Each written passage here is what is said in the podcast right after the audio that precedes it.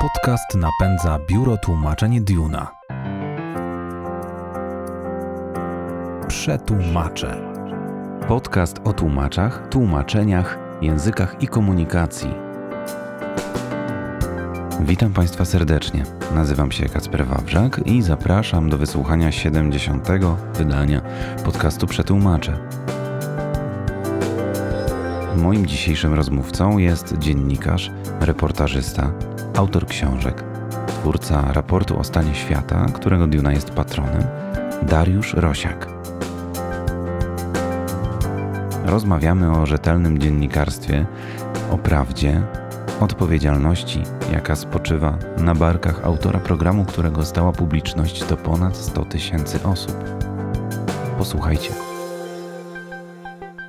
Nazywam się Dariusz Rosiak. Dzień dobry, panie Darku. Bardzo serdecznie dziękuję za e, przyjęcie zaproszenia. Na sam początek może takie pytanie, które mm, będzie mocno związane z językami i mocno z, z tematyką naszego podcastu. E, Czy da się uprawiać dobre dziennikarstwo bez znajomości języków? No jeżeli to jest międzynar- międzynarodowe dziennikarstwo, to się nie da. To znaczy, no, trzeba przynajmniej znać angielski. Myślę, że inne języki też się przydadzą. Widać w tej chwili, jak na przykład ważny jest rosyjski. E, Czasem wracamy do dawnych czasów, kiedy e, ludzie w Polsce byli zmuszani do nauki e, rosyjskiego, tak jak ja na przykład 8 lat się uczyłem rosyjskiego nie ze specjalną przyjemnością. E, I teraz żałuję, że się nie uczyłem oczywiście, bo e, byłoby jak znalazł. Jest, e, w ogóle wa- warto się uczyć języków wszystkich, a, a, a nie tylko języka najeźdźcy albo języka przyjaciela, prawda? Języki to jest coś takiego, że języki otwierają świat. No to trochę banały będę mówił, ale to jest rzeczywiście tak, że się e, żyje trochę inaczej w każdym języku. Po francusku się żyje inaczej, po angielsku się żyje inaczej, po polsku się żyje inaczej, po hiszpańsku się żyje inaczej. Mówię o językach, e, którymi się potrafię posługiwać i e, po rosyjsku też się na pewno żyje inaczej i, i na przykład po koreańsku. Po koreańsku się na pewno inaczej żyje niż po polsku. E, Więc warto się ich uczyć z pewnością. To, co kojarzy mi się z dobrym, rzetelnym dziennikarstwem najmocniej, to e, sprawdzone, dobre źródła informacji. Na pewno języki będą tutaj bardzo pomocne w prowadzeniu tego researchu. I jak w Pana przypadku, w przypadku raportu o stanie świata, wygląda research? Taka tylko jedna uwaga, że wie pan, tak samo jak po polsku istnieje dezinformacja, ona istnieje w każdym innym języku, także y, języki są przydatne, y, ale bardziej przydatna jest jakaś, nie wiem, zdrowy rozsądek, czy jakieś doświadczenie, które mm, pozwala uniknąć wchodzenia w te pułapki y, dezinformacji. Y, Research wygląda mm, z, z mojego punktu widzenia prosto, natomiast to jest pewnie efekt jakiegoś, czy kumulacja pewnego właśnie doświadczenia dziennikarskiego, które powoduje, że pewnych źródeł unikam i do innych ciągnę. No wiadomo, że jeżeli mam takie źródła jak y, BBC, Reuters czy, czy Al Jazeera, to one są bardziej wiarygodne niż jakiś wpis na e, tw- Twitterze czy nieznanej mi osoby, czy na jakimś innym medium społecznościowym. Tego staram się unikać. E, Natomiast e, posługuję się zwykłymi źródłami, ponieważ ja albo niemal w ogóle nie jestem dziennikarzem dochodzeniowym, prawda? Nie, mm, nie wytwarzam własnych informacji, tak jak większość dziennikarzy. Polegamy w większości na, na czy to na agencjach, czy na dziennikarzach dochodzeniowych, którzy odkrywają historię.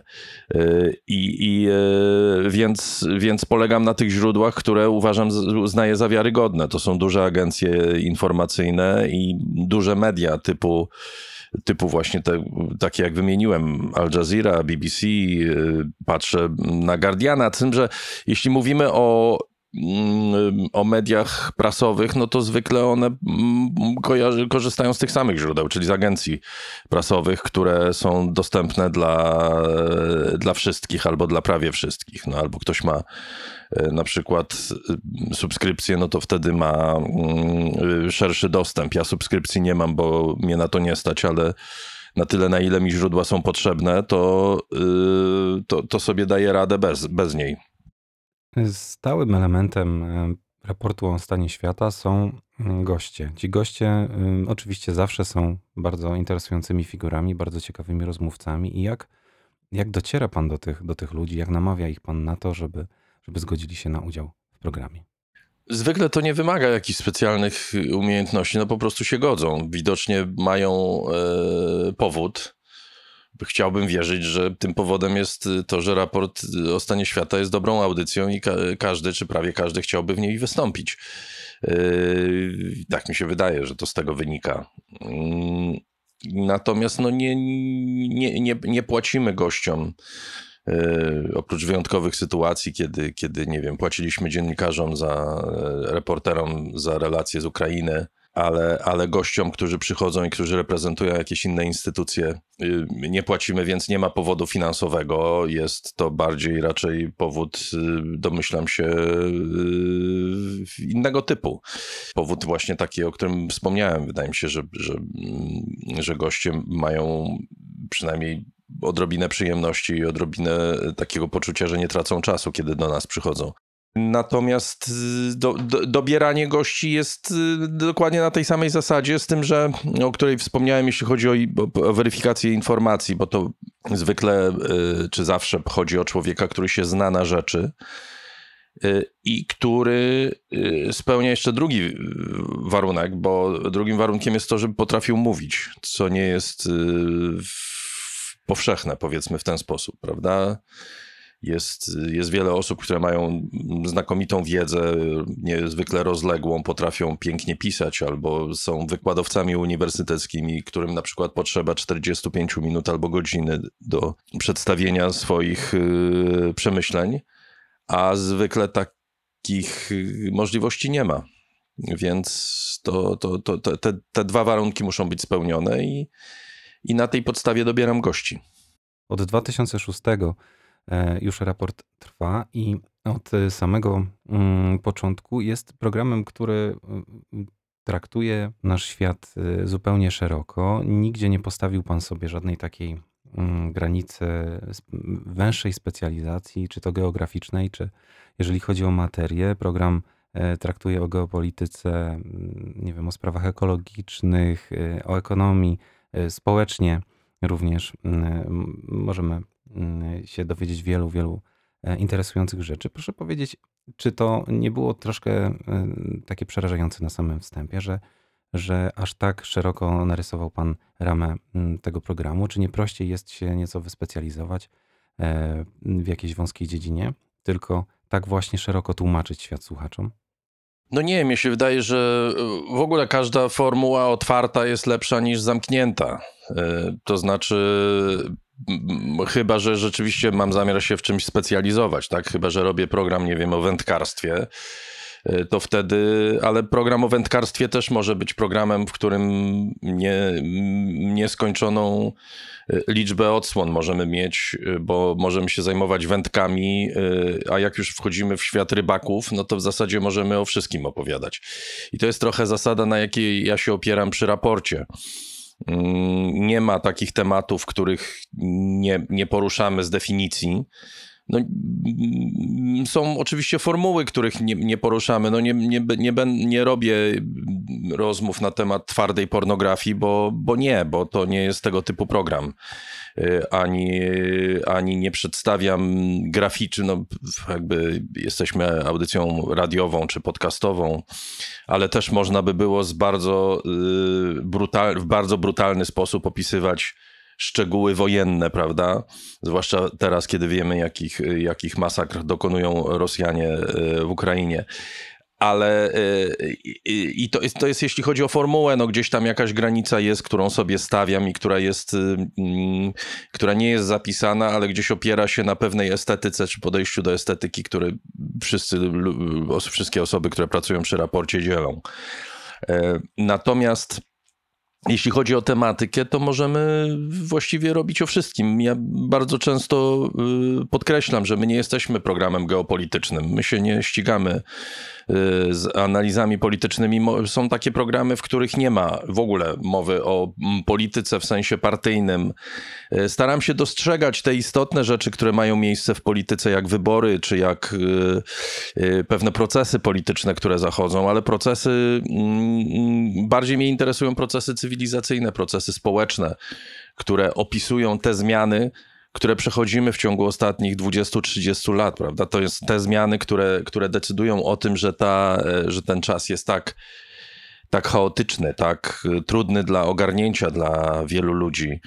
Jeżeli raport miałby jakąkolwiek e, rolę odgrywać, czy jakikolwiek cel, to moim celem jest pomoc ludziom w zrozumieniu tego, co się dzieje na tyle, na ile potrafię. E, mm, pomoc w ogarnięciu rzeczy, których e, w zasadzie nikt z nas do końca nie ogarnia, bo e, te procesy odbywają się w tak szybkim tempie, zawsze zmiany następowały. Natomiast być może jedyną rzeczą, która ten nasz świat dzieli, dzieli od, od, od innych światów czy od innych epok, jest to, że zmiany następują w tak nieprawdopodobnie szybkim tempie i my nie jesteśmy w stanie tego ogarnąć. Yy, więc i, i, mało tego, dotyczą one yy, wszystkich ludzi na Ziemi i wszyscy ludzie na Ziemi mają do nich dostęp. Bo zmiany też zmiany zwykle następowały, tylko yy, jak się mieszkało we wsi pod Suwałkami w XVII wieku, to można było przeżyć życie czy w XVIII, czy w XIX można było przeżyć swoje życie bez, y, bez wyjazdu z tej wsi, prawda? W tej chwili nie da się tego zrobić, bo można, jak się włączy komputer, to, y, to ma się pod ręką cały świat. I żyje się problemami ludzi y, z drugiej strony planety.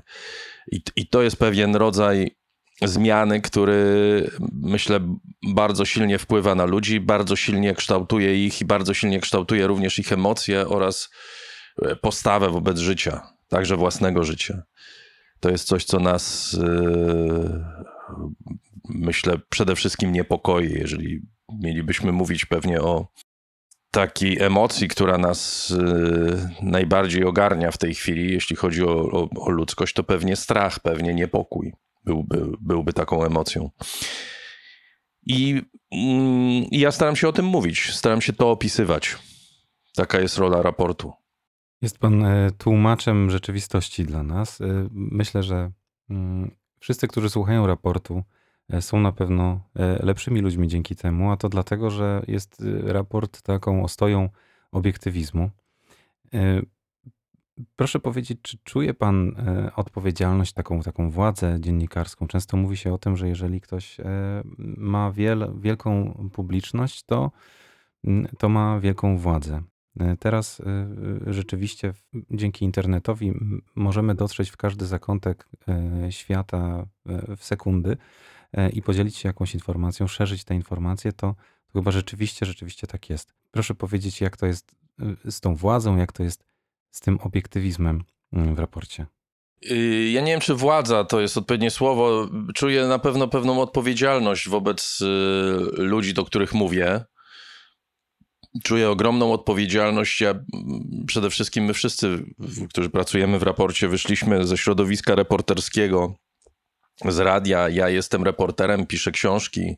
Pisałem, no od dwóch lat nie piszę, bo nie mam czasu, ale yy, pisałem książki i, i, yy, i to jest odpowiedzialność dwojakiego rodzaju. To jest odpowiedzialność po pierwsze wobec bohaterów, o których się pisze, a po drugie odpowiedzialność, czy z którymi się rozmawia, a po drugie odpowiedzialność wobec słuchacza. I yy, bardziej w tych kategoriach bym patrzył na to. To znaczy, wydaje mi się, że my mamy rzeczywiście ogromny wpływ na to, yy, możemy mieć może w ten sposób, możemy mieć wpływ na to, jak ludzie myślą, co myślą, co robią, jakie e, decyzje podejmują, przynajmniej dostarczamy ich, dostarczamy im materiału do podejmowania takich decyzji to jest ogromna odpowiedzialność. Problemem współczesnych mediów jest oczywiście to, że wiele z nich e, nie, nie poczuwa się do takiej odpowiedzialności. Przede wszystkim, jeśli mówimy o mediach społecznościowych, choć nie tylko. I to jest, to jest niezwykle istotne. To, czy mam władzę, to mnie specjalnie nie interesuje. Mam odpowiedzialność, mam mm, też taką bardzo przeliczalną odpowiedzialność w przypadku raportu wobec patronów, wobec ludzi, którzy e, płacą nam pieniądze po to, żebyśmy mogli pracować, po to, żebyśmy mogli ten program robić.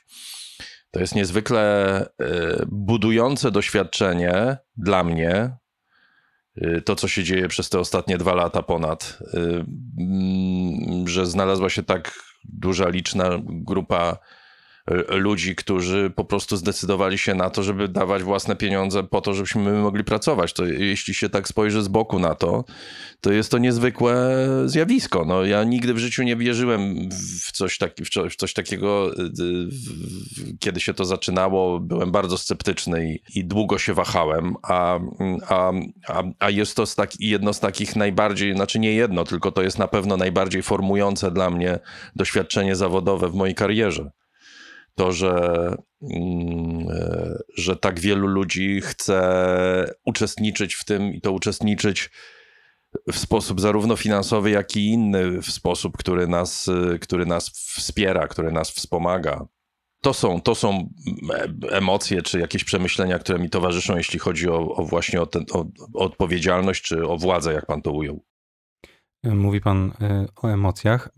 Widziałem, słyszałem pana taką wypowiedź, w której mówił Pan, że w dobrym dziennikarstwie, w obiektywnym dziennikarstwie nie ma miejsca na, e, na zaangażowanie e, i nie ma miejsca na emocje. Czy tak e, rzeczywiście stawia Pan sprawę nadal? Y, nie ma miejsca na zaangażowanie partyjno-polityczne. To znaczy, nie, nie, nie wyobrażam sobie, żeby istniało dziennikarstwo mm, propisowskie albo pro-platformo obywatelskie, albo prolewicowe partia razem, albo jakakolwiek inna SLD. Prawda? To znaczy, jeżeli ktoś coś takiego uprawia, to jest po prostu y, osobą, która realizuje program partyjny. Ja, ja nie mam nic, żeby było jasne, ja nie mam nic przeciwko takim osobom. Ja nie mam nic przeciwko osobom, które uczestniczą w polityce i próbują realizować jakieś cele polityczne. To jest ich sprawa. Tak samo jak nie mam nic przeciwko temu, żeby ktoś był na przykład księdzem albo nauczycielem. Tylko y, dziennikarstwo, tak jak ja je rozumiem, nie na tym polega. Dziennikarstwo polega na wyjaśnianiu świata bez zaangażowania y, po którejkolwiek ze stron. I oczywiście natychmiast pojawiają się y, osoby, które mówią, ale nie ma niczego takiego jak obiektywizm, nie ma niczego takiego jak brak zaangażowania, bo przecież masz poglądy. No oczywiście, że mam poglądy. Ja chodzę do wyborów i ja na kogoś głosuję. to nie jest tak, że ja nie głosuję albo nie, nie mam zdania na jakiś y, temat. Chodzi o to, żebym umiał mając zdanie i chodząc do wyborów, żebym umiał y, w, w pracy, którą wykonuję, przedstawiać świat w taki sposób, który nie jest y, skażony tym, tym podejściem moim. Oczywiście, że do pewnego stopnia wszystko jest przesiąknięte osobowością osoby, która, no jak, jak pisze książki, to prawdopodobnie moi czytelnicy wiedzą mniej więcej, co ja myślę na różne tematy. Myślę też, że słuchacze raportu wiedzą, do jakich rzeczy mi bliżej, do jakich mi mm, dalej od strony. Mam nadzieję, że nie od strony partyjnej, bo nigdy w życiu takiej, yy, takich deklaracji nie składałem, jak na przykład moi dziennikarze y, moi koledzy dziennikarze, to, to jest tak nawiasem zupełnie mówiąc, prawda? Jeżeli ktoś, jeżeli analityk polityczny mówi, na kogo głosuje publicznie, no to jaka, jaki sens ma jego analiza? To znaczy, on nie jest analitykiem politycznym, tylko jest propagandystą jakiejś partii. No. I, i, I takich w Polsce sytuacji mamy bardzo dużo. Mnie jest to obce. Kiedy mówię o braku zaangażowania, to o czymś takim, przeciwko czemuś takiemu się e, przeciwstawiam, prawda? E, co do obiektywizmu, wie pan, to jest, to jest e, filozoficzne pytanie, czy istnieje coś takiego jak obiektywizm, czy, czy istnieje coś takiego jak prawda. Tylko yy, i możemy sobie na ten temat rozmawiać. Tylko z punktu widzenia moje, mojego punktu widzenia, kiedy robię program, czy kiedy piszę artykuł, czy kiedy docieram do, do swojego bohatera, to ja, ja nie, nie mam w tyle głowy debaty filozoficznej na temat tego, czy prawda istnieje, tylko mam przed sobą zadanie, żeby do tej prawdy dotrzeć. Jej może nie być. Może my wszyscy żyjemy w Matrixie i tego wszystkiego, co, co się dzieje, nie ma. Tylko, że moim zadaniem, jeżeli ja sensownie traktuję swoją pracę, y, to y, muszę założyć, że istnieje jakiś horyzont, do którego zmierzam. I tym horyzontem jest prawda. Tym horyzontem jest to, co mogę opowiedzieć o tym świecie. Tak wyobrażam sobie swoją rolę. Y, więc staram się do tego dotrzeć, usuwając wszelkie przeszkody i pokonując wszelkie przeszkody, które stają mi na drodze. Yy, głównie tą przeszkodą jest moja niewiedza, moja ignorancja. Staram się pokonać te, te, te, te właśnie yy, przeszkody czy problemy, rozwiązywać po drodze.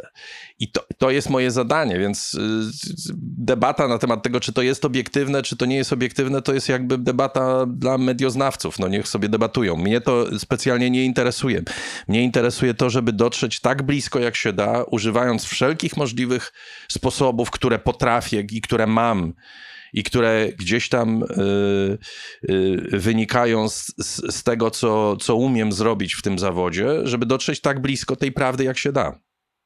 Później ta prawda mm, może przedostać się do nas, e, wszystkich słuchaczy, lub, lub też nie. Żeby ją przekazać, potrzebny jest język.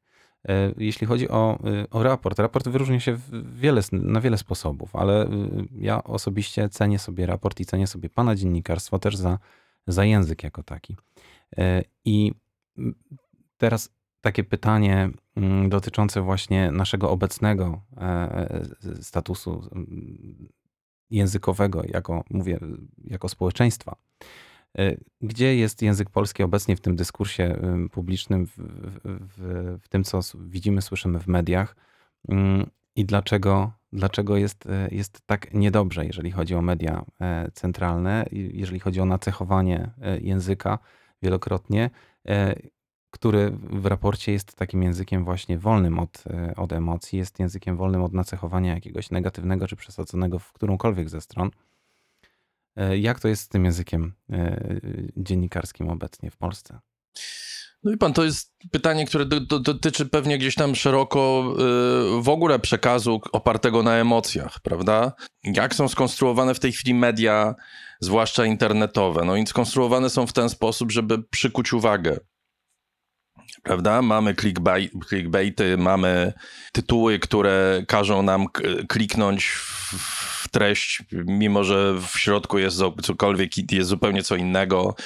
E, mamy e, jakby za deklarowane e, oszukaństwo, które, które gdzieś tam funkcjonuje, tylko po to, żeby, żeby mm, przekonać nas do tego, aby wejść na stronę. A po co to robimy? No po to, że tam na tej stronie będą reklamy i reklamodawca uważa, że jesteśmy wszyscy tak tępi, że y, dajemy się na to nabrać i tak dalej. I pewnie ma rację do pewnego stopnia. No jakby, jakbyśmy nie byli tacy tępi i nie wchodzili w to, to on by nie wydawał tych pieniędzy, które wydaje na, na reklamę.